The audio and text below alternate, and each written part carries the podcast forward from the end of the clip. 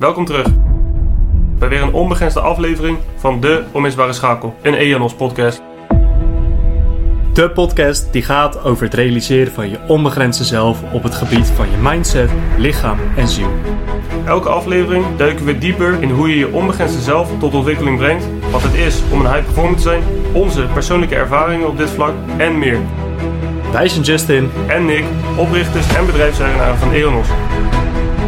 Als je geniet van onze onbegrensde podcast, laat dan even een review en rating achter op het platform waarop je luistert. Zorg er daarnaast voor dat je abonneert en ons volgt, zodat je onze toekomstige onbegrensde afleveringen niet mist. Dat gezegd hebbende, laten we geen seconde langer meer wachten. Remove all limits. Welkom terug bij weer de vijftiende aflevering van de Onmisbare Schakel podcast. Vandaag hebben we een bijzondere gast aan tafel zitten. Niels Blonk. High-ticket performance coach en eigenaar van Self-Optimized. En vandaag gaan we samen met Niels weer een diepgaand gesprek voeren over complete mensoptimalisatie. Voor degene die voor het eerst luisteren of even zijn vergeten wat complete mensoptimalisatie inhoudt, nog even een korte uitleg. Complete mensoptimalisatie betekent voor ons dat we onszelf in onze ontwikkeling volledig richten eh, op een complete benadering voor groei, waarbij lichamelijke, lichamelijke ontwikkeling, mentale scherpte en spirituele groei de drie belangrijkste pijlers zijn. Het betekent voor ons een compleet raamwerk met een nadruk op veerkracht, efficiëntie en levensduur. Laat geen seconde langer meer wachten, het gesprek beginnen. Niels, dank dat je vandaag wilde aanschuiven bij ons. Dankjewel. Dank jullie wel. Ik ben blij om hier te zijn, dus eh, laten we er een mooi gesprek van maken. Dat- is eh, altijd eh, mooi, mooi om te horen. Voordat we langs die pijlers van lichamelijke ontwikkeling, spirituele ontwikkeling en mentale ontwikkeling wat vragen op je af willen vuren, willen we gewoon beginnen bij het begin. Jou als persoon begrijpen en je persoonlijke verhaal eh, aanhoren. Want een high-ticket performance coach word je niet zomaar. Nee, precies. Dat eh, is een heel proces eh, geweest. Dus daar, ja, daar willen we gewoon lekker beginnen. Dus, dus Niels, ja, hoe, hoe is het allemaal voor jou begonnen? Alles. Ja, dus de huidige, huidige identiteit van Niels, zeg maar. Dat is een aardige, aardige hero's journey geweest, als ik zo mag zeggen. Ehm ieder heeft natuurlijk zijn eigen verhaal en ik ben daar niet anders of speciaal in. Maar voor mij is het allemaal begonnen op mijn slaapkamer toen ik eh, ja, een jaartje of negen was. Zat ik met mijn PlayStation controller in mijn hand, zat ik Call of Duty te spelen. En eh, Red Bull te drinken en Doritos te eten. Op je negende? Al? Eh, nou, de Red Bull toen niet Oké, later. ik wou net zeggen, op je negende Oh. Red Bull? Dat was Nee, sick mijn hoor. ouders waren- nee, nee, nee, nee. Mijn ouders waren tolerant, maar niet zo tolerant. Mm. Ehm, gamen, gamen, gamen, gamen, gamen. Ik was extreem dik, eh, extreem ongezond. Mijn leefstijl reflecteerde terug in mijn uiterlijk, hoe ik me voelde. Mijn zelfverzekerdheid was slecht. Ik werd eh, daardoor ook gepest, zeg maar, op de eh, basisschool. Nou eh, dat gebeurde natuurlijk heel veel mensen, maar bij mij... ehm, ik, ik dacht gewoon dat hoort erbij, weet je wel. Ehm, ik ben gewoon die persoon. Ik ben Niels, ik ben nou eenmaal wat dikker. En eh, dat vond ik helemaal niet zo erg. Ik bleef mezelf lekker verschuilen in mijn, in mijn gamen. En toen, ehm, rond een jaartje of elf, toen ben ik eh, sterk ziek geworden. Eh, of, eh, ik had epilepsie, werd ik toen mee, eh, ik kreeg de diagnose epilepsie. Nou, oké, allerlei gezondheidskwalen en zo later toch naar de middelbare school gekomen, toch daar een tijdje overleefd, zo te zeggen, met dezelfde destructieve leefstijl die ik toen had. Toen kwam de Red Bull erbij kijken ook. Eh, ik weet nog wel dat ik dan sommige avonden had waar ik gewoon een Red Bulltje dronk om tw- twee uur s'nachts. En dan ging ik gewoon de hele nacht gamen. En dan de dag daarna was ik ziek voor school. Ehm, en dat is natuurlijk niet de leefstijl die, die je lang kan volhouden, eh, hoe jong je ook bent. En toen, ehm, rond een jaartje of 13 was ik toen. Derde klas VWO. Toen eh, op een zomeravond, het was tering heet. Mag ik trouwens schelden? Sorry. Ja, mag eh, van mij Het was tering heet. En ik ging met mijn ouders bij een, bij een, bij een stel vrienden van ons eten. En ik stap die auto in. En ik stort in elkaar. Ik kan niks meer. Ik kan niet meer lopen. Ik kan niet meer eh, zien. Ik ben duizelig. Ik, ik kon niet eens meer eh, normaal praten. Dus wij naar de eerste hulp, alles. Nou, ehm, het zal wel dit of dit zijn. En ehm, je moet gewoon even twee weken uitzieken. Een of ander zwaar virus. Nou, die twee weken werd toen eh, zes jaar. Zes jaar aan, aan ziekenhuizen en tests en ja, een hele, ehm, hele journey, zeg maar, om zo te zeggen. En daaruit is de versie die hier voor je zit ontstaan. En daar ben ik ontiegelijk dankbaar voor. Ja, ik kan me wel voorstellen. Maar echt heftig eh, verhaal. Vooral eh, ook dat je zo jong dan... Ja, eh, gewoon... Ik denk ook op dat moment denk van... Nou, nu is het klaar. Gewoon of mijn hele leven inderdaad dan blind of weet ik veel wat voor shit. Ja, dat is, dat is niet niks. En het is ook zo bizar eigenlijk dat eh, je omgeving een soort van bevestigt dit... Hè, want dat wist je toen niet, dat destructief eh, gedrag eh, was. En dat je hele omgeving dan bevestigt... Oh, prima, iedereen doet dit toch? Ja. En zo zie je heel, best wel veel echt mooie mensen gewoon echt de vernieling ingaan. Ja, dat doet altijd wel zeer. Ehm, en ja, ik, ik heb zelf persoonlijk ook dit soort dingen gedaan. Gelukkig mag ik maar iets voor samen uitdrukken dat het inderdaad wat minder heftig was. Maar het brengt je wel tot inzicht. Zeker. En dat maakt wel de persoon die hier nu eh, tegenover ons zit eh, mogelijk.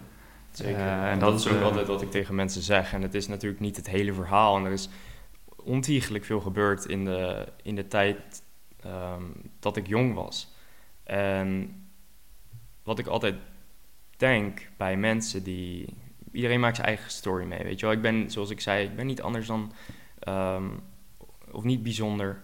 Ehm, sommige mensen die hebben een hele stressvolle periode met verhuizen gehad. Of ehm, mensen die zijn eh, hebben een hele slechte relatie gehad of iets in die zin. Maar wat ik altijd tegen die mensen zeg is: goed voor jou. Want dat gaat jou zoveel verder brengen dan als jij was opgegroeid met de meest perfecte jeugd door of ehm, de, de beste sprookjes eh, schooltijd.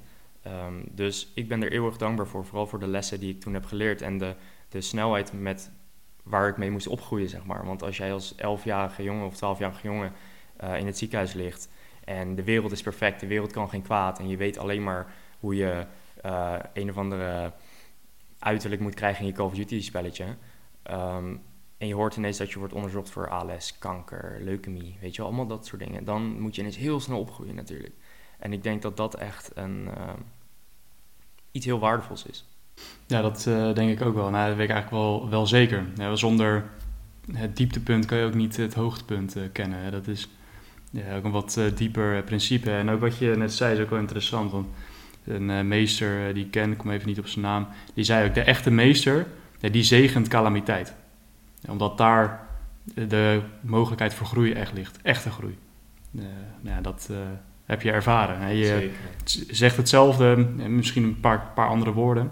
Eh, eh, komt er nu ook uit. En het is ook zo. Het is gewoon een universele eh, waarheid. Ja wel, ja, wel heftig, man. Maar ik ben dan wel even benieuwd, hè, want natuurlijk al echt een heel lang aanlooptraject. Maar er is altijd één echt specifieke trigger, waardoor je echt ineens radicaal ander gedrag gaat vertonen. Vooral in zo'n ja, de, de hero's journey, zoals, zoals die nu is verlopen.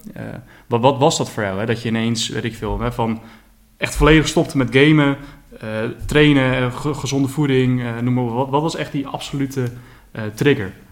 Ja, ik zie altijd, wat ik ook van de mentor van mij heb geleerd, is iedereen die heeft een bepaalde ehm, patroon van leven.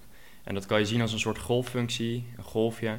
Ehm, en bovenop de golf ben jij, ehm, dit kan in, in elk verticaal van het leven zijn. Dus laten we zeggen hoe, hoe jouw lichaamsgewicht. Op de, top van de golf, dus de, de piek van de fun- golffunctie, ben jij in je beste shape. Ben je super zelfverzekerd over je lichaam. Ehm, ben je super fit en al dat soort dingen. Ehm, nu gaat alles, alles is verandering. Natuur is verandering, leven is verandering. En je gaat misschien weer naar beneden. En als je de dal van die golffunctie eh, raakt, dan is het net als een soort, eh, een soort hygiëneplateau. Als je eronder komt, dan wordt het voor jou zo ondraaglijk dat je jouw gedrag en jouw gedachten gaat veranderen om weer omhoog te gaan in die golf. En als je het dus goed doet, dan worden die eh, dalen worden steeds hoger en de pieken ook. En bij mij was het op een punt dat ik dus nog steeds aan het revalide- revalideren was van mijn, eh, van mijn ziekteperiode. En ik moest, ehm, ik moest en zal mijn VWO afmaken. Ik ben toen afgestroomd en blijven zitten. Dus ik werd uiteindelijk, toen ik weer terugkwam op school, was ik 17 en toen zat ik in eh 3 eh, HAVO of zo. Dus echt heel oud. Eh, en dat was voor mij het grootste pijnpunt. ehm, naast het feit dat ik gewoon 105 kilo woog. Ehm, op dat moment, toen had ik zoveel negatieve gedachtenpatronen en zoveel gevaarlijke gedachtenpatronen ook eigenlijk, ehm, dat er iets in mij is geswitcht.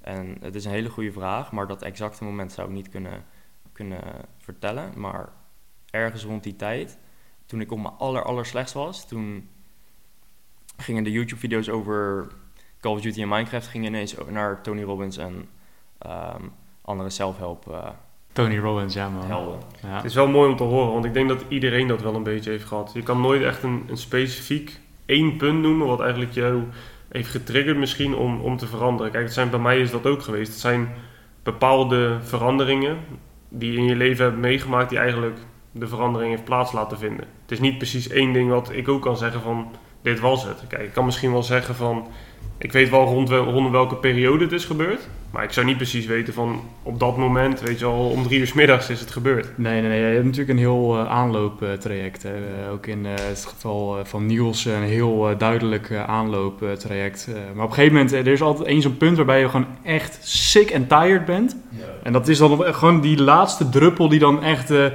emmer volledig doet, doet overlopen. En dat hij dan maar blijft, blijft stromen. Um, eigenlijk een beetje op die manier, maar op een gegeven moment gewoon sick and tired. Ik kan me voorstellen dat je op je 1705 kilo zeer destructieve gedachten en ook, weet je, je zei gevaarlijke gedachten, dat je op een gegeven moment denkt, bro, wat ben ik nou aan het doen? Ja. Wat fuck ben ik aan het doen? En dat dat dan, en welke specifieke dag, dat maakt, niet, dat maakt niet zoveel uit. Maar dat dat dan op een gegeven moment echt al specifiek brevet is geweest, dat je dacht, oké, fuck it. Ja.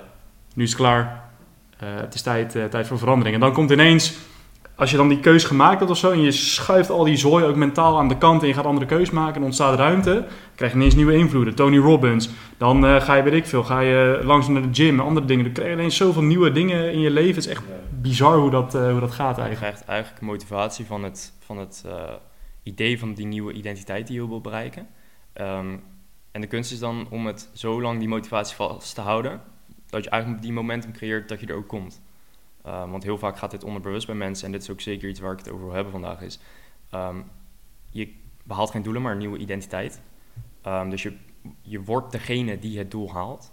Dat klinkt natuurlijk heel abstract, maar dat is eigenlijk universeel hoe het werkt. je verandert letterlijk als persoon. En heel vaak heb je dat niet door. Dus ik heb dat ook jaren niet doorgehad met alle verschillende uh, storylines en arcs die ik heb gehad in mijn, in mijn Hero's Journey tot nu toe. Uh, maar als ik er nu zo op terugdenk, dan denk ik, oh ja, toen uh, werd ik die identiteit, werd ik de gymbro. En toen werd ik die identiteit, werd ik de uh, gast in een relatie. En toen werd ik die, weet je wel. En dan, als je dat eenmaal door hebt, dat spelletje, van het is eigenlijk allemaal een spel. Dan, dat is een van de grootste dingen die ik kan leren, eerlijk. Ja, heel interessant. Ik hoor ook een soort, een beetje Jungiaans eh, termen, zeg maar. Ook met die identiteiten, eh, eh, individuation moet ik gelijk aan denken. En natuurlijk die archetypes waar hij het over heeft. Dat fascineert mij ook. En uiteindelijk hè, de zelf, het volledige, onbegrensde en uiteindelijk gerealiseerde zelf, helemaal vrij. Dat is eigenlijk het proces daar, daar naartoe. Heel, heel interessant. Er zit veel achter, je, achter je schuil. Dat, dat is kicken. Um, maar dat is ook het gedeelte van wat, je ook, wat we ook in andere podcasts ook benaderd hebben: het, het visualiseren, het kunnen zien wat je wilt zijn. Uh, je moet eigenlijk iets eerst uh, worden voordat je eerst kan zijn. Ja, het is, uh, dat ken je vast ook wel. Hè? De, be, being precedes doing, precedes having. In plaats van, wat een hoop mensen denken: oh, ik moet dit hebben, want dan kan ik dit gaan doen en dan word ik pas, pas dat. Als je binnenin jezelf beslist, ik ben nu dit, en je brengt daar dan je acties mee in overeenstemming, dan zal je vervolgens uiteindelijk in je fysieke uh, en vooral externe ervaring ook uh, uiteindelijk dan, uh, dan hebben. Zo interessant. Er is ook wel een mooie lijn naar purpose. Want je purpose was op dat moment heel duidelijk veranderen. Ehm, dit nooit meer.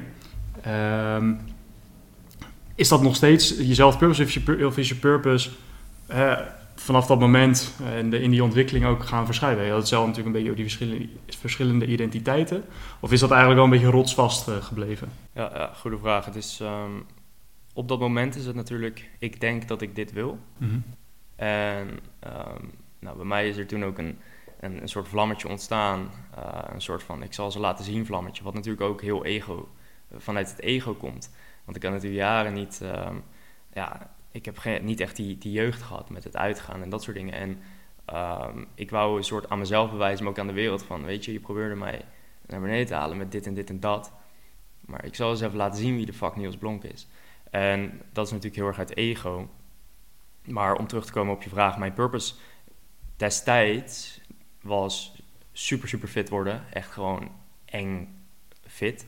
Ehm, want dat kwam waarschijnlijk dus voor uit de pijn van niet eens de trap op kunnen of 23 uur per dag kunnen slapen, uh, moeten slapen. Um, dus je, je beweegt altijd uit pijn. En ik denk dat zodra jij weet wat die pijn is, dat je een, een groter voordeel hebt over andere mensen. Want um, je moet jezelf elke dag eraan herinneren waarom je door verschillende pijnen, groeipijnen zo, zo te zeggen, heen gaat. Um, voor mij was die pijn op, op het eerste moment was het mijn lichaam. fitness werd de eerste, het eerste purpose. Uh, en toen had ik op, op een bepaald moment een, een, niveau bereikt in mijn fitness. en mijn, mijn school. Ik heb mijn VWO toen, het, dat was het tweede doel, fitness en uh, VWO cum laude halen. Want ik wou graag geneeskunde doen. En dat was mijn purpose. Ik moet en ik zal geneeskunde doen. En uh, dan kom je op dat punt en dan kom je er dus achter, wat ik net zei, dat die pijn waarvoor je het deed, was helemaal niet geneeskunde. Ik wou helemaal niet geneeskunde doen. En dan zodra je het haalt, dan brokkelt dat dus allemaal af. Um, en toen veranderde mijn purpose weer. Dus het is eigenlijk net als een ui, dat je steeds een schilletje eraf haalt. Zodra je het hebt gehaald, dan leer je weer nieuwe dingen. Je krijgt feedback uit je acties uh, en uit je persoonlijke groei. En dan realiseer je, A, ik wil andere dingen dan ik dacht dat ik wou of wilde. En B, er is meer mogelijk dan ik dacht dat ik wilde. En zo is het een soort feedback loop die je steeds itereert. Bij elk purpose uh, schil die je eigenlijk behaalt, denk je, holy fuck. Ik dacht dat ik dit wilde. Eigenlijk is het iets anders. Uh, want ik heb veel te klein gedacht. Um, en zo, zo, als je erop terugkijkt, zie ik dat weer terug. Maar toen um, helaas nog niet. Ja, mooi. Ja, ik moet ook gelijk een beetje denken aan, uh, een beetje tussen neus en lippen door kwam het ook een beetje op mij over, weet je, um, Socrates, die ook zei, uh, hoe meer ik te weten kom, des te meer ik erachter kom dat ik zeg maar, net niks weet. Mm -hmm. uh, en daar ligt dus ook een hele wereld van mogelijkheden dan ineens voor. Want hoe meer je dus ontwikkelt, groeit, je gaat doen, meer kennis, inzicht, wijsheid. En dan kom je er eigenlijk achter van, oh, maar ik weet eigenlijk best wel weinig. Maar dan ga je dus je afvragen van, hé, hey, is het dan inderdaad... Sorry? Dat is de Dunning-Kruger curve. Exact. Uh, en dan ga je zo ook afvragen van, hé, hey, maar is inderdaad dan in jouw geval geneeskunde, is dat dan wel hè, hetgeen wat ik wil? En dan kom je erachter, nee, ik, ik, ik zie nu ineens zoveel meer dan, uh, dan eerst. En geneeskunde, nee, ik, ander pad. Uh, en dan ga je daar en dan kom je op een gegeven moment ook weer op zo'n punt, denk je, wow, ik, ik zie weer nieuwe, andere dingen. Dan sla je misschien weer een keer rechtsaf in plaats van dat je rechtdoor gaat bijvoorbeeld. iedere keer een nieuwe, nieuwe afweging maken, hè, wat het dichtst ligt bij nou ja, je, je kern. Ja, ja kicken man. Echt, uh... En dat is het ook, want dat is wat heel veel mensen vergeten. Mensen denken hun hele leven, oh, ik had graag dit willen zijn. Ik zou graag ooit dit willen worden. En dan ondernemen ze geen actie en dan kunnen ze er ook niet achter komen dus of dat echt is wat ze willen of niet. Want het, hoe ik het zie is, als jij niet weet wat je wil doen in je leven, ga iets doen, onderneem actie, waar ligt je interesse, waar ben je nieuwsgierig naar? Ga iets doen en dan kom je er snel genoeg achter of je het leuk vindt of niet. En dan wijzig je de koers. Het is gewoon, je zet een stap en de volgende stap legt automatisch op. Dat is gewoon hoe het werkt. Maar als je die eerste fucking stap niet neemt, dan zal je ook nooit weten of het echt bij je past of niet. Ja man, ja, 100%. Ja, ik, uh, ik, ik ervaar die ook wel. Ik had ook echt zo'n periode toen ik ook jonger was, weet je, ook uh, een beetje vluchten in het uh, gamen en ja, de wereld is kut, alles is kut, iedereen is kut. terwijl degene die echt kut was, was ik zelf, want ik deed gewoon niet wat ik eigenlijk wilde. Inderdaad, gewoon hè, een stap zetten en gewoon eens dingen gaan proberen. een, soort, een soort angst. Totdat je op een gegeven moment denkt, ja, weet je, fuck it, wat heb ik te verliezen? En je gaat dan, uh, weet ik veel doen. En je gaat een keer naar een gym. Uh, vervolgens kom je erachter, ah, dat is het eigenlijk niet. Uh, ik doe nu al een aantal jaar aan calisthenics. En dat, op een gegeven moment ga je een beetje video's kijken. hey, dat vind ik ook wel vet. Ga ik gewoon eens een keer doen. en dan denk je, dat is eigenlijk wel zo kicken ook. Ga, zeker op het begin, zes, zeven keer bijna gedacht, ik stop weer met calisthenics. Maar toch iets wat ook zei van, hey bro, we gaan dit gewoon doen, we zijn geen bitch, we gaan, uh, ja, dit, dit is echt trainen voor mijn gevoel. Het is veel, uh, veel zwaarder, ook mentaal doet het meer met me. en ik wil iedere keer opgeven. En waarom wil ik iedere keer opgeven? Om, omdat het moeilijk is. Um, en wat hoe heet dat? Eh, ik dacht, nee, dat gaan we niet doen. Uh, voor Harmsgeest denk ik, ja, dit, dit is echt een van die dingen, dit moet gewoon doen. Uiteindelijk heeft calisthenics, dan breng je dan ook weer zoveel. Nieuwe mensen, noem maar op. Een van ja, mijn beste vrienden op dit moment is de, de Europese wereldkampioen streetlifter Badder. nou ja, zijn coach is ook mijn coach. Hassan, ook een hele goede vriend geworden. ook wat andere dingen aan het opzetten. Het is echt bizar hoe we dan een stap nemen, leidt tot nog meer stappen nemen, leidt tot dit. Dat, gewoon, gewoon één, eh, ook precies aansluit op wat jij dan zegt. En neem gewoon de stap. Ja, het is uh, niet voor niks op mijn arm getatoeëerd. I don't think do. Heel veel mensen vergeten dat er, zijn eigenlijk, er is eigenlijk altijd één kracht die ons tegenhoudt. En dat is angst. Um, dat is die resistance. Het is altijd jouw huidige ego, dus wie jij denkt die jij nu bent, uh, dat je nu bent. Dus jouw identiteit, die Justin die je nu bent. Uh, en de Justin die jij wil worden, daar staat altijd resistance tussen. Iets houdt jou tegen. Jij zegt jezelf, hey, weet je, ik wil nu dit gaan doen. Ik ga elke ochtend om vijf uur mijn bed uit. Dan ga ik tien minuten dit doen. Dan ga ik uh, daarna werken aan mijn nieuwe bedrijf. En je hebt het allemaal heel mooi opgeschreven en dan word je wakker en dan ga je werken om vijf uur en dan doe je het niet. Maar jij hebt het tegen jezelf gezegd. Waarom doe je het dan niet? Weet je? En die resistance daartussen, die jou eigenlijk weer van weerhoudt om jouw huidige identiteit eigenlijk om te ruilen voor je nieuwe. Want daar is uh, dus de dood van je oude ego uh, voor nodig. Die resistance is meestal gewoon angst. Um, angst voor falen, angst voor meningen, dat soort dingen. En angst, die, die wordt gewoon opgegeten door actie. Als je actie onderneemt, heeft angst niks meer te zeggen. Um, toen ik ging skydiven, ik was drie weken zenuwachtig. Echt gewoon niet normaal zenuwachtig. Um, en het moment dat je gewoon dat harnas omdoet of om, omgedaan krijgt en je loopt dat vliegtuig heen, is het gewoon allemaal weg. Weet je wel, want je neemt actie. Het gaat nu heel gebeuren. Er is geen weg meer terug. Hetzelfde met ondernemen, hetzelfde met relatie, hetzelfde met in de gym. Actie ondernemen is een van de grootste dingen die je kan doen tegen die resistance, tegen die groeipijn. Ja, dat precies het laatste wat je net zegt dat mooie, dat vond ik echt, echt prachtig. Want je zegt, ook met dat skydiven, dat je hebt heel de zenuwachtig. Je bent eigenlijk jezelf gek aan het maken. Je bent je brein eigenlijk heel... Je bent maar tegen jezelf aan het zeggen, oh dit vind ik eng, hoogtevrees, wat dan ook. Maar op een gegeven moment wanneer je daar bent... En je moet het doen eigenlijk, want je wilt het ook doen, maar je, je doet het eigenlijk. Dan is alles weg. En ik merk bij mij ook, um, met mijn hardloopjourney tot, tot nu eigenlijk toe.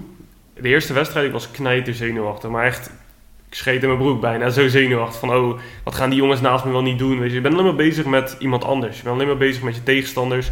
Van, oh, heb ik wel goed genoeg getraind? Maar nu merk je ook door steeds meer wedstrijden te doen, door steeds meer eigenlijk jezelf ja, te bewijzen voor jezelf, merk je ook dat die nervositeit gewoon weggaat. En dat je zo meteen, wanneer je bij een wedstrijd staat, en dat kan bijvoorbeeld bij hele grote wedstrijden op WK zijn of wat dan ook. Je hebt het je, hebt je al bewezen voor jezelf. Man, man suffers more in imagination than reality. En het tweede punt ook wat je zegt is, je bent eigenlijk je spaarpotje aan het vullen met zelfverzekerdheid muntjes. En elke keer dat je die actie onderneemt, dan heb je weer een zelfverzekerdheid muntje verdiend. Weet je wel? Mensen zijn bang voor presteren. Ga het honderd keer doen, ben je niet meer bang. En als je wel bang bent, dan denk je terug aan je spaarpotje met honderd super dikke knaken met zelfverzekerdheid muntjes. Ja, man. Dat is gewoon hoe het werkt. Actie, die verslaat dat allemaal. Ja, en die angst voor mening is denk ik wat in deze samenleving best wel groot speelt bij mensen. Want mensen, mensen zijn gewoon bang van wat zal mijn buurman of wat zal uh, mijn beste vriend ervan vinden. het mooiste is, ze denken niet eens aan je. Nee. Iedereen leeft in zijn eigen waas, zijn eigen uh, habits. 90% van alle acties die ze ondernemen is toch on, onbewust. Ze denken geen moment aan je. En dat is, het dat is een soort um, relief, zeg maar. Ik kan geen Nederlands meer. Relief. en, opluchting. Opluchting, dankjewel. Gotcha. Uh, dat is een soort opluchting. En aan de andere kant denk ik, ja, ja, dat is eigenlijk ook wel zo.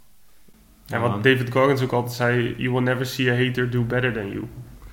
Nee, klopt. Alleen het enige is natuurlijk wel, en dat is eh, misschien dat op, op, een soort baseline level mensen dit eigenlijk wel ook weten.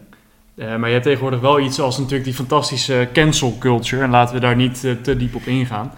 Maar het is als jij bepaalde meningen hebt, en je, ook al heb je nog niet eens de intentie om iemand ermee te veroordelen, weet ik van, maar je hebt gewoon een bepaalde mening. Dat, dat je dan gelijk 86 labels, stempels en weet ik wat krijgt met echt mogelijk serieuze gevolgen, zeg maar, op je, vooral je financieel onderhoud. Omdat je je primaire behoeftes daardoor in de gevaar ziet. Ik denk dat dat voor een hoop mensen is. En dat is natuurlijk een machtsmiddel voor degene die dat tegen jou inzet. maar dat is wat een hoop mensen volgens mij in, in werkelijkheid er echt van weerhoudt. Bijvoorbeeld als hun baas eh, eigenlijk gewoon een ontiegelijke teringlul is, eh, om, hè, die jou dan stelselmatig slecht behandelt, maar omdat je Om zo afhankelijk bent, te zeggen. Precies, want zo, hè, om zo zacht mogelijk te zeggen, maar je bent afhankelijk financieel, je bent financieel gebonden en je kan ook hè, in jouw be- beleving dan bijvoorbeeld niet eh, snel genoeg dat, dat gat weer opvullen als dat weg zou vallen.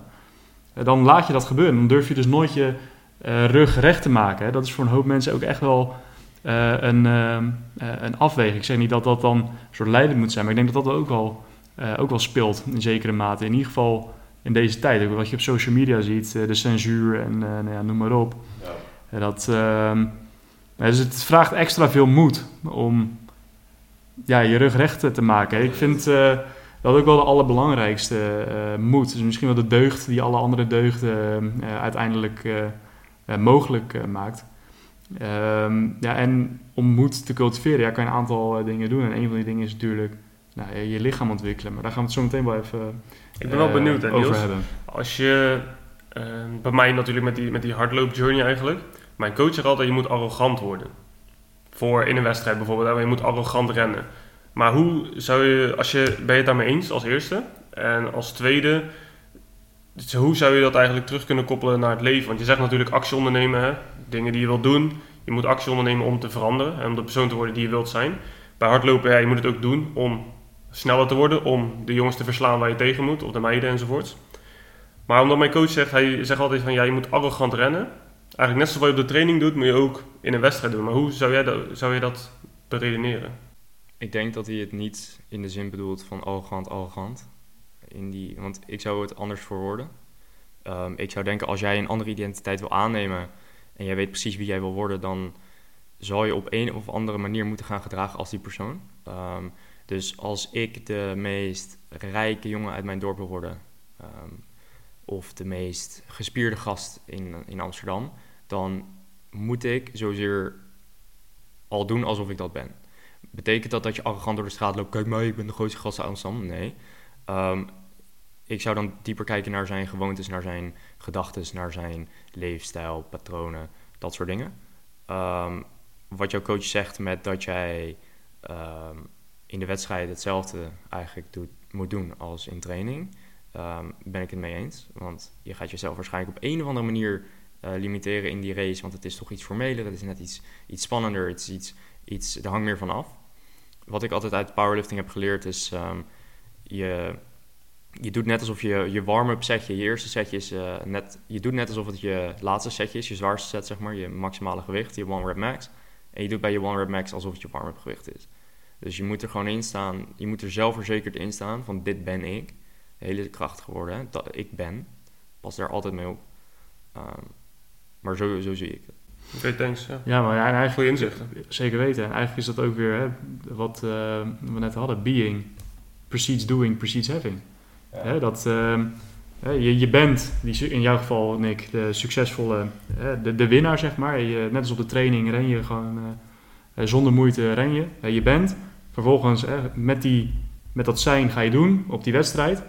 Met als resultaat, je hebt de wedstrijd gewonnen. Het gaat, het gaat nog wat dieper natuurlijk. Het is het fundamentele algoritme van het universum eigenlijk. Het is hoe, hoe jij denkt, wat jij gelooft, die vormen jouw acties en jouw gewoontes. En die vormen jouw realiteit. En dat is ook wat ik altijd zeg tegen mezelf. En dat is ook waarom ik een andere tatoeage heb. Is je creëert letterlijk je eigen fucking realiteit. En dat klinkt voor sommige mensen echt van, wow, wat zegt hij? Die spoort niet. Maar ten eerste, wat heb je eraan om het niet te geloven? En ten tweede, ga maar eens nadenken. Ik bedoel, als jij de hele ochtend gaat zitten als je uit bed komt van, oh, ik ben zo moe. Oh, ik voel me zo kut. Hoe voel je je dan? En niet alleen in dat. Ik bedoel, ehm, we hebben het hier eerder over gehad, mannen. Ik, ehm, ik schrijf altijd bij een doel, schrijf ik dus een, een eh, identiteit uit die dat doel zou kunnen bereiken. Dus voor mijn volgende doel staat er al precies een Niels 10.0 of, of zo. Staat helemaal uitgeschreven op een documentje. Hoe ziet hij eruit? Hoe gedraagt hij zich? Wat denkt hij? Wat gelooft hij? Weet je wel, hoe denkt hij over geld? Hoeveel is veel geld voor hem? Ehm, hoe kijkt hij naar dit? Hoe kijkt hij naar dat? Hoe denkt hij hierover? En die jongen, die kan dat doel halen. En het enige wat ik dus moet veranderen is gaan denken als die jongen. Want daar begint het mee. Ik moet gaan geloven als die jongen. Kijk maar naar wat mensen doen voor hun geloof. Wat mensen doen als ze achter een bepaald standpunt staan. Dat is zo krachtig en dat, dat is hun hele realiteit. Want als jij zegt van ik ben dik, ik ben depressief, ik zit vast in mijn 9 tot 5 baan en dit en dit. Nou, laat ik één ding vertellen, dan kom je er ook niet uit. Want je zegt ik ben, een van de krachtigste woorden ooit. En daarmee creëer je al letterlijk de gedachten en de patronen. En je gaat denken als iemand die dik is en, en, en depressief en vastzit in zijn 9 tot 5. Dan ga je er ook niet uitkomen. Maar als jij denkt als een, als een miljonair, dan ga je al gelijk andere keuzes maken. Want je moet dus eigenlijk zo'n identiteit maken. Dus Niels 10.0. En dan bij elke moeilijke keuze of kleine keuze die ik heb, ga ik denken, hmm, wat zou Niels 10.0 doen? Weet je wel? Niels 10.0 die wil heel graag super shredded zijn. Oké, hier voor me staat een pizza. Ik heb nu honger, maar Niels 10.0 die wil heel graag shredded zijn. Dus vanuit zijn paradigma, vanuit zijn geloofssysteem, vanuit zijn ideeën en doelen, um, wat ga ik doen? En is geen falen mogelijk. Het enige wat je moet doen is weten waar je naartoe gaat. Wie ga jij worden? En dan consistent gaan gedragen als die persoon. En niet, niet stoppen. Ja, kijk, ja, ik vind zelf uh, ja, echt uh, heel, uh, heel mooi uiteengezet. Het is echt profound. en als je het weet, dan, dan weet je het. ik vind het zelf altijd een mooie manier om in ieder geval uit die negatieve affirmaties te komen. Want dat is natuurlijk echt ook een habit voor een hoop mensen. Eén woord die gelijk, ook al ben je dan een soort negatief, het gelijk ontkracht en de deur openzet naar mogen. En dat is woordje nog. van ik kan dit niet of ik kan dit nog niet. Ja. Want als je zegt ik kan dit nog niet, dat betekent dus in feite zeg je, maar ik ga het wel kunnen. En dan ga je, als je dan maar vaak genoeg zegt, ik kan het nog niet, of, of ook tegen een ander, jij kan nog niet, dan zie je ook gelijk een soort glimlachje van, ah ja, ja, inderdaad, ik kan het inderdaad nog niet, maar kon nog wel. Heel krachtig. Kon nog wel. Eén woord, nog. Echt een game changer. Ook, ook voor mijzelf persoonlijk. Echt ook met calisthenics. Uh, toen ik nog geen muscle-ups uh, strikt bijvoorbeeld kon, of uh, backlever of weet ik wat, en al mijn vrienden wel. of de gasten waar ik ook mee trainde. Ik zei al, nog niet, komt wel. Kwestie Gast, van tijd. en, en, kwestie van tijd. En nu? Easy. En wat je hier ook zegt is natuurlijk ook heel belangrijk, wat heel veel mensen vergeten is, dit is, je vertelt jezelf zoveel verhalen. De hele dag door. Je vertelt jezelf allerlei dingen, dat stemmetje in je hoofd. En mensen die gaan daarmee identificeren. Maar het probleem is, wat mensen niet doorhebben, en dan gaan ze weer denken, oh die Niels, die spoort niet, wat zegt hij nou? Maar dat ben jij niet. Jij bent niet dat stemmetje in je hoofd. En zodra je ermee gaat identificeren, dat stemmetje dat gooit allemaal irrationele gedachten, want dat komt uit emotie.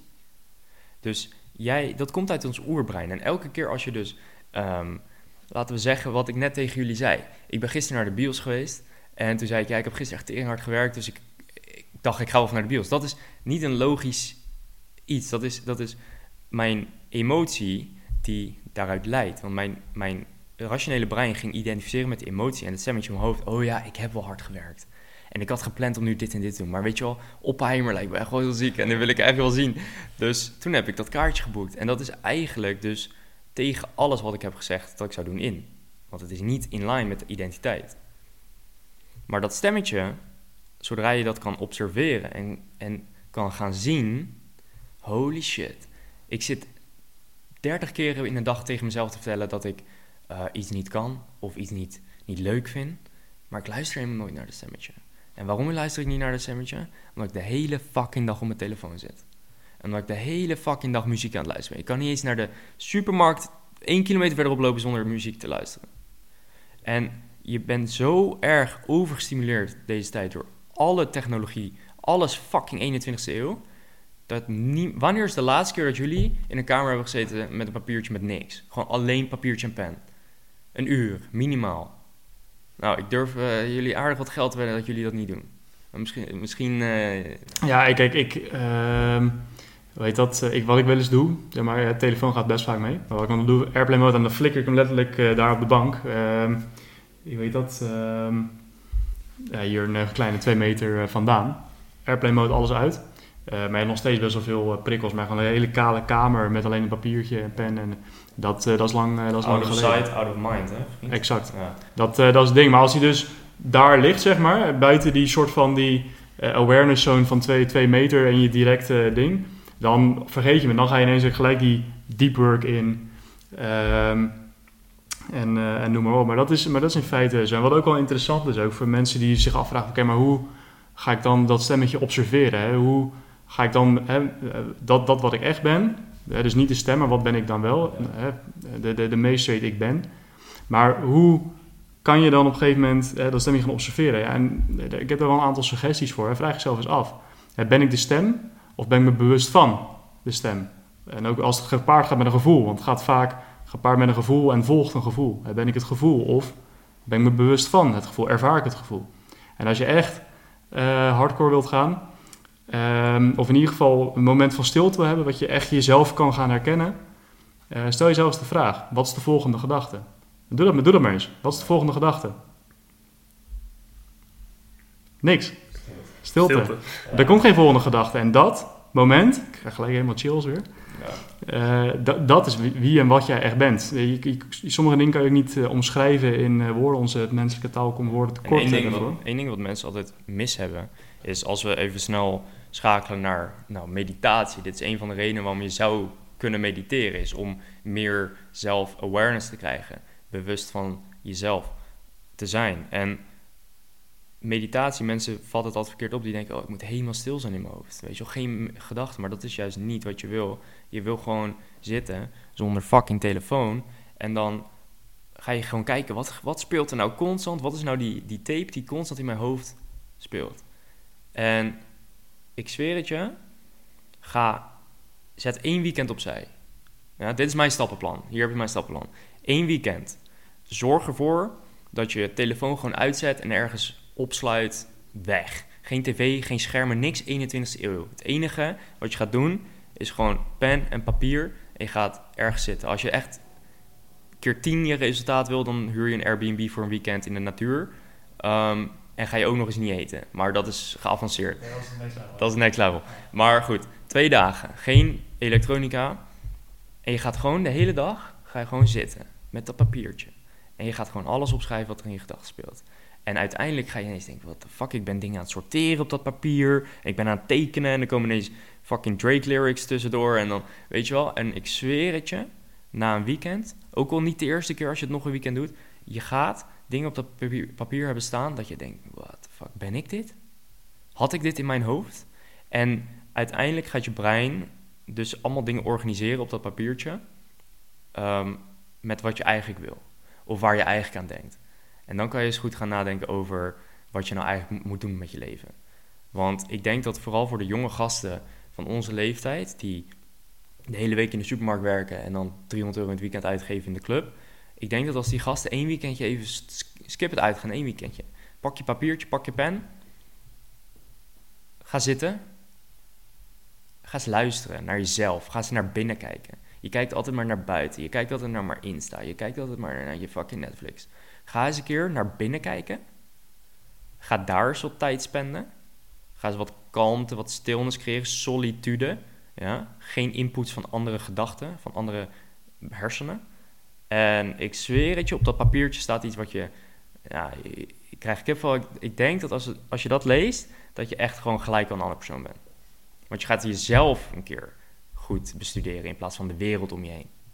Exact, the journey inwards. Precies. Dat, ja, en eh, wat, dat is ook gewoon echt precies ook wat je net zei aan het begin van, of voor de podcast hadden we het natuurlijk ook over ben je een bospersoon of ben je een, Ja. eh, een strandpersoon. Strand, altijd.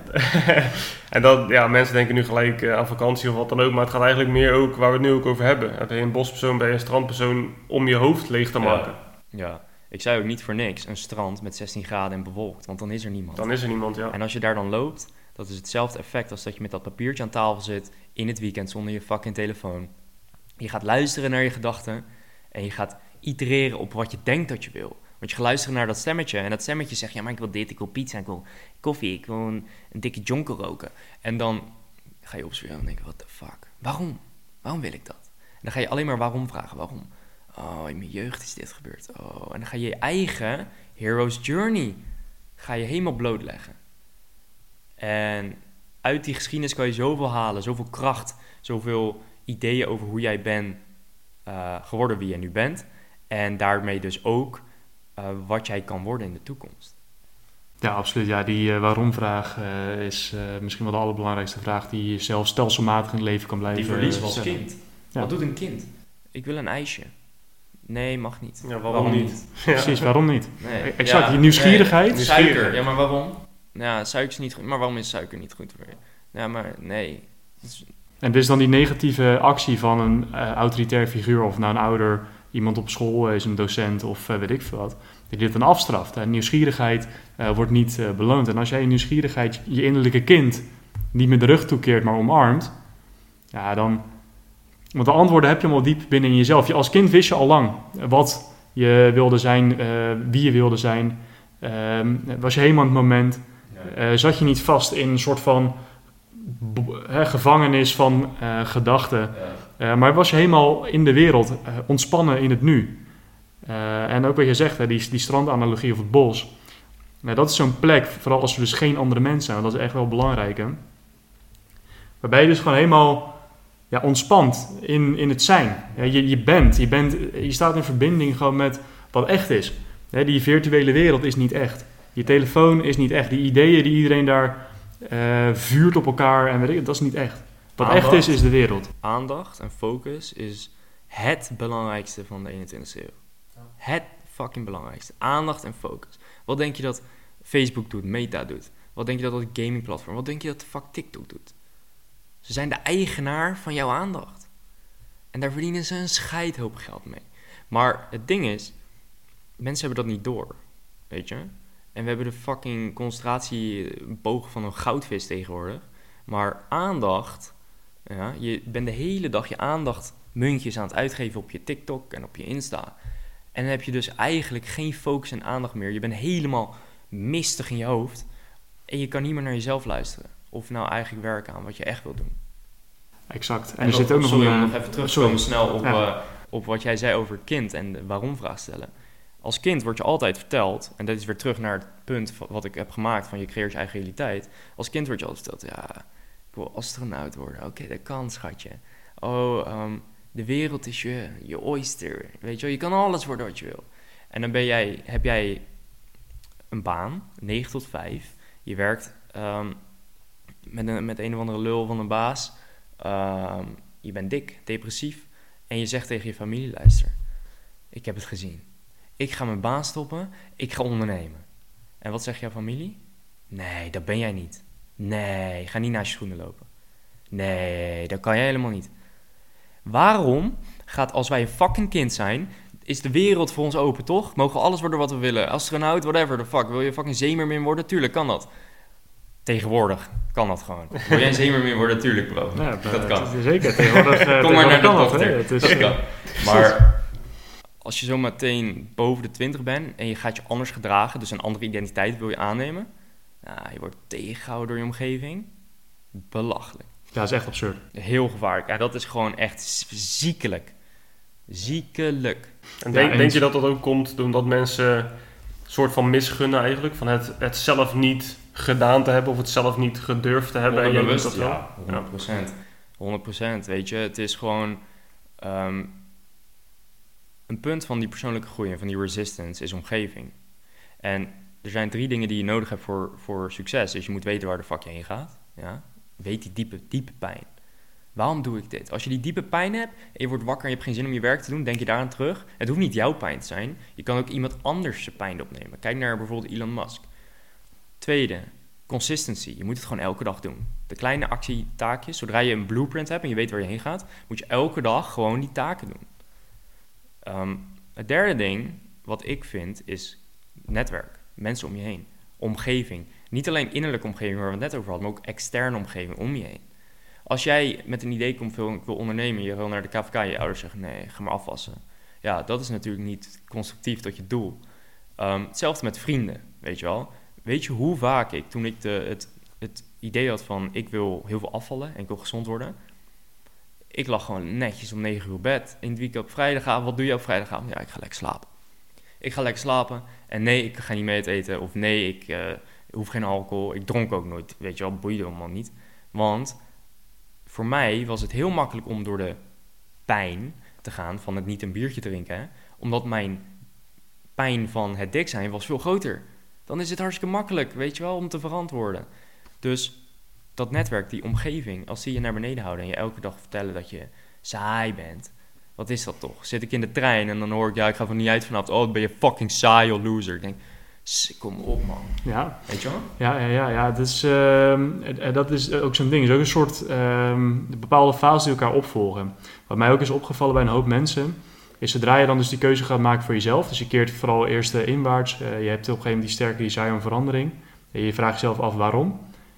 En je begint bij het lichaam vaak, en dan komt mentaal en spiritueel komt dat vaak later. Het, het volgt elkaar op en het grijpt met elkaar samen. Maar je wordt lichamelijk sterk, en kracht, fysieke kracht, is een van die pijlers die moed cultiveert. En als jij moed hebt, waar we het al over hadden, die maakt alle andere deugden mogelijk. En die maakt ook mogelijk om een toxische omgeving van je af te duwen. Mensen uit je leven te snijden. als jij geen moed hebt om eens een keer je mond open te trekken tegen eigenlijk die best wel abusive vriend of vriendin al vier jaar lang, die eigenlijk jou constant klein houdt, en jou constant kleineert, ook in het bijzijn en ten, en ten overstaan van anderen.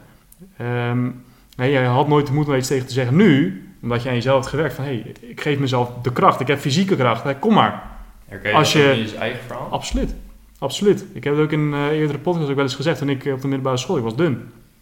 Weinig kracht, uh, liet, veel, uh, liet veel dingen gebeuren. Terwijl diep van binnen, mijn rechtvaardigheidsgevoel, mijn integriteit is heel hoog. Alleen dat botst dan. Want aan de ene kant wil je, wil je iets doen, ook voor jezelf. Je wilt niet allemaal maar op je, op je af laten komen en over je heen laten komen. Maar je bent niet in staat om een soort daad bij eh, het woord te voegen. Want als je, in ieder geval toen, als je een echt ruzie maken met bepaalde figuren, ja, dan werd je gewoon in elkaar gebeukt. Hè? Want je, je was niet weerbaar. Weerbaarheid, kracht, kunde, ook een stukje martial arts is gewoon een vereiste voor moed. En moed maakt de rest uh, dan mogen ze ook uh, wat, wat modernere goeroes en figuren tegenwoordig ook allemaal zeggen. Maar het is gewoon zo. Mentaliteit. Exact. Kijk naar Jordan Peterson. Die zegt, ook, je moet het monster zijn. Um, hè, maar, zodat je uiteindelijk ook controle kan hebben. En als je controle hebt, dan wanneer het nodig is, kan je het monster loslaten. maar als het niet nodig is, dan heb je controle. En dan ga je gewoon, doe je je ding. Maar mensen die, al die altijd maar die shit over zich heen laten komen, zwak zijn, niet kracht, kunde en weet ik wat cultiveren. Dus wat Peterson ook terecht zegt, dat zijn de gevaarlijke mensen. Nou, dan gaat op een gegeven moment gaat er dan zo'n knopje om. En dan, dat zijn de schoolshooters. Dat zijn de mensen die ineens random in een bus in Utrecht mensen doodschieten met een pistool. Of uh, in Alphen uh, met, met, met een Kalashnikov. Ze hebben zichzelf niet onder controle. Ze hebben zichzelf niet onder controle. Ja. en dat ze, de, en sure, er zou ook nog andere dingen bij zijn. we, waren, we waren er niet bij, thank God, zeg maar. Uh, maar dat is wel wat je, wat je vaak ziet. Um, ja, dat, is wel, dat is wel een kwalijk, uh, kwalijk zijn. Maar ik vind het ook nog wel interessant wat jij zei ook over uh, het aandacht geven. Eh, of, eigenlijk wat Facebook en Meta, of nou, dat is natuurlijk hetzelfde, maar TikTok, noem maar op, doen met je aandacht en focus. Nou, zij claimen dat, ze leggen echt een claim op. Maar je wordt ook op die manier geprogrammeerd. Je perceptie wordt bepaald door waar je je aandacht aan geeft. Hè? Waar, je, waar je op focust, is wat je ervaart. Energy flows. Exact, where your attention goes. Ja, ja. Dat reden. maar, het is, um, maar, het, maar het is wel zo. Um, je krijgt bepaalde uh, informatie. En be informatie bepaalt perceptie, perceptie bepaalt gedrag. Het, ja. het een volgt uh, uit het ander. En als jij dus de informatiestroom ook verandert, enerzijds een stukje netwerk wat jij ook zei, andere mensen in je, in je omgeving, de shit die jij consumeert. En wat consumeer je op die ja. platformen? Zit je alleen maar te kijken naar naakte chicks die aan het dansen zijn, of kijk je naar motivational content, is wel een groot verschil. Mensen zijn er niet bewust van. Mensen zijn er niet bewust van. Maar als je dat wel doet, dan wordt je perceptie wordt anders. Dan denk je van, hé, hey, maar inderdaad, waarom kijk ik naar een stel sletten op, weet ik veel, TikTok, Instagram. Ja. Uh, nee, ik ga inderdaad kijken naar, weet ik veel, Jocko Willink. Uh, David Goggins in ieder geval als man. Hè, want ik spreek even vanuit mijn eigen uh, perspectief. Van, hey, deze, dit zijn guys die echt wat aan het doen zijn. Hey, maar dit vind ik wel veel interessant wat zij zeggen. Hey, dat resoneert eigenlijk wel. Hè, maar waarom doe ik dat niet? Ja. Andere andere input. Dus je perceptie wordt ook anders. Denk van, hé, hey, maar als, als zij het kunnen, en zij zeggen ook dat ik het kan, maar hij is werk, hè, misschien kan ik het dan ook. En dan ga ik dingen doen. En perceptie is echt super belangrijk. En vanuit perceptie, en dan ga je ook gedragen weer. Dat is het. En dat is echt, dat is echt een sleutel. Perceptie is echt een sleutel. Je zegt. Het is, en dit is ook precies hoe ik ben begonnen. Het begon met de motivational content. En daarnaast het grootste ding ooit natuurlijk, boeken lezen. En ik ben de laatste tijd een klein beetje vanaf. Want dit is ook een regel die ik heb, wat mensen heel vaak vergeten met boeken lezen, is als jij Think and Grow Rich 20 keer leest, word je niet rijk. Want het is, groei is niet alleen de snelheid van dat jij dingen leert, maar ook de snelheid van dat je dingen verandert En toepast. en toepast. Precies. En daarbij krijg je dus weer feedback op de groei die je maakt. En dan kan je weer nieuwe dingen leren. Maar wat mensen vergeten is het actie, waar we eerder ook over spraken. Ja, man. Ja, 100%. Je hebt ook van die mensen die dan zweren bij de law of attraction. Ja. En dan vervolgens gaan janken dat er niks gebeurt. Van eh, helemaal zieke vision boards maken, het hele pakket. Weet je, mensen die dat fuck serieus nou echt heel mooi kunnen doen. Ik heb echt Ja. respect. Als ik, de, ik heb daar het geduld niet eens voor.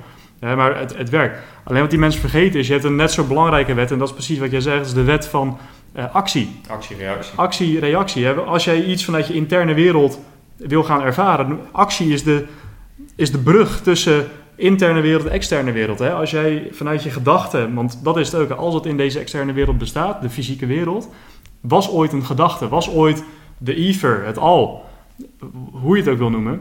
Eh, maar het komt ergens vandaan en door actie, je krijgt die input, je hebt die input, je hebt dat idee, het wordt concreet, je gaat dingen doen, je, je kloot wat aan, denk je, nou, dit is het niet. Kloot nog wat meer aan, het ook nog net niet. Nog een klein beetje extra aankloten. Ja, maar dit is het wel. En boom, dan heb je ineens, eh, weet ik veel, het vliegtuig van de Wright Brothers. Of Ja. eh, de, het, het, het eerste stoomschip. Of van Nikola Tesla. eh, met zijn eh, met zijn Tesla Tower, weet je. Dat je energie over de hele wereld heen Ik kan leef mijn sturen. leven twee keer. één keer in gedachten en één keer in realiteit. Exact, En dat is ook hoe je alles bereikt. exact. Ja, dat ziek, is man. Ja. Ja, kicken. En eh, nog heel snel even terugkomend over dat eh, perspectief met die boeken. Ehm, hoe meer perspectieven jij hebt van de realiteit, hoe, meer, hoe makkelijker het is om jouw paradigma te veranderen eigenlijk.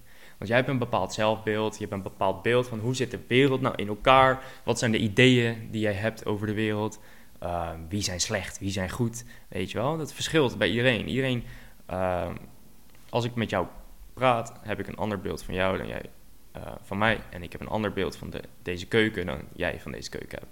En als jij wil veranderen en doelen wil halen, moet jij natuurlijk ook dat beeld veranderen.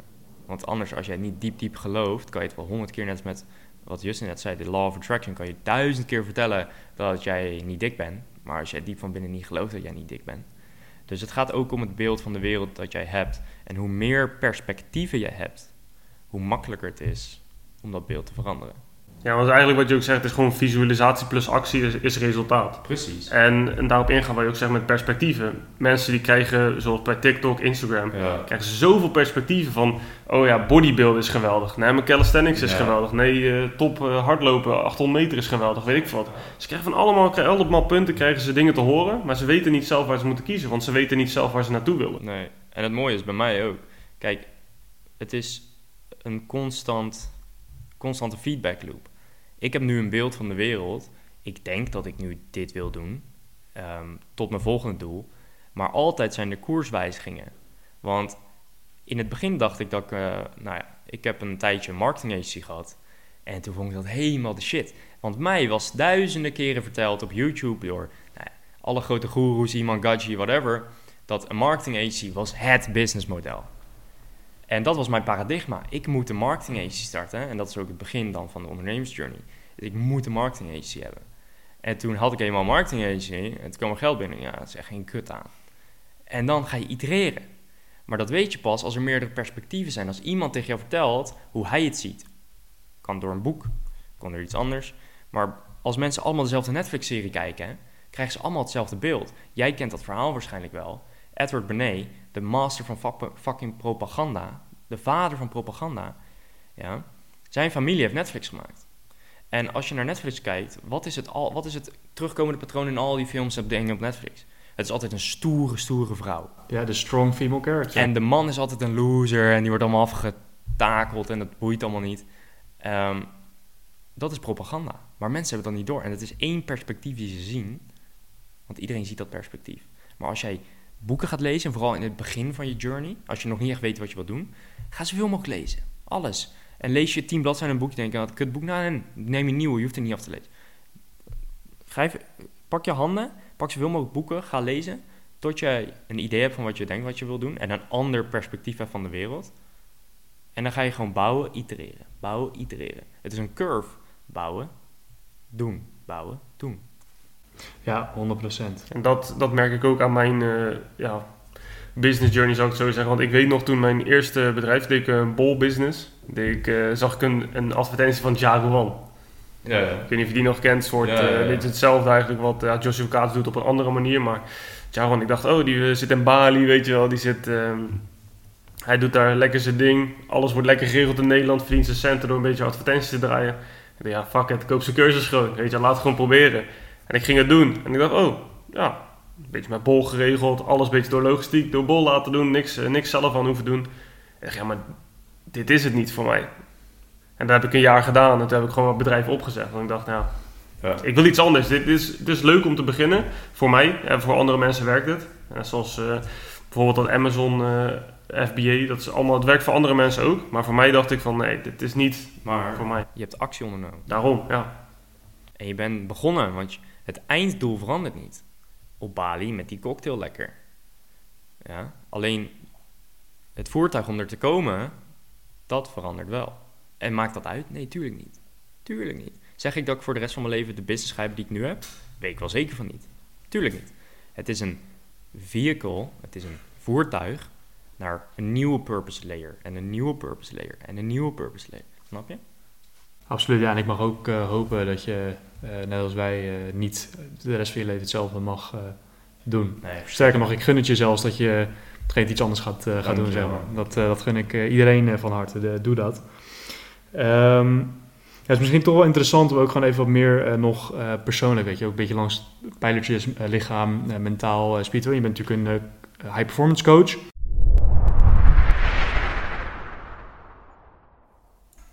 Hey daar, Justin hier. We zitten op een kruispunt van deze aflevering met Niels Blonk. En het lijkt me een geschikt moment om een pitstop te maken. We breken dit fantastische gesprek met Niels in twee delen. In het komende deel duiken we dieper in wat Niels zelf doet om zijn high-performance levensstijl te onderhouden en zijn vuur voor groei en ontwikkeling te laten branden. Dus zet je schrap. Deel 2 is een aantocht en belooft net zoveel vuur en inzicht als het eerste deel. Dank voor het luisteren en tot snel bij de volgende aflevering. Remove all limits. Bedankt voor het bijwonen van weer een onbegrensde aflevering van de Onmisbare Schakel. Laat een rating en een review achter op het platform waarop je luistert wanneer je wat aan onze podcast hebt gehad. Dit helpt ons om te groeien en meer mensen te bereiken. Om ze zo te helpen hun onbegrensde zelf te realiseren aan de hand van de Remove All Limits Mindset. Als je er klaar voor bent om je onbegrensde zelf te omarmen, ga dan gelijk naar www.eonos.nl en neem de eerste stap.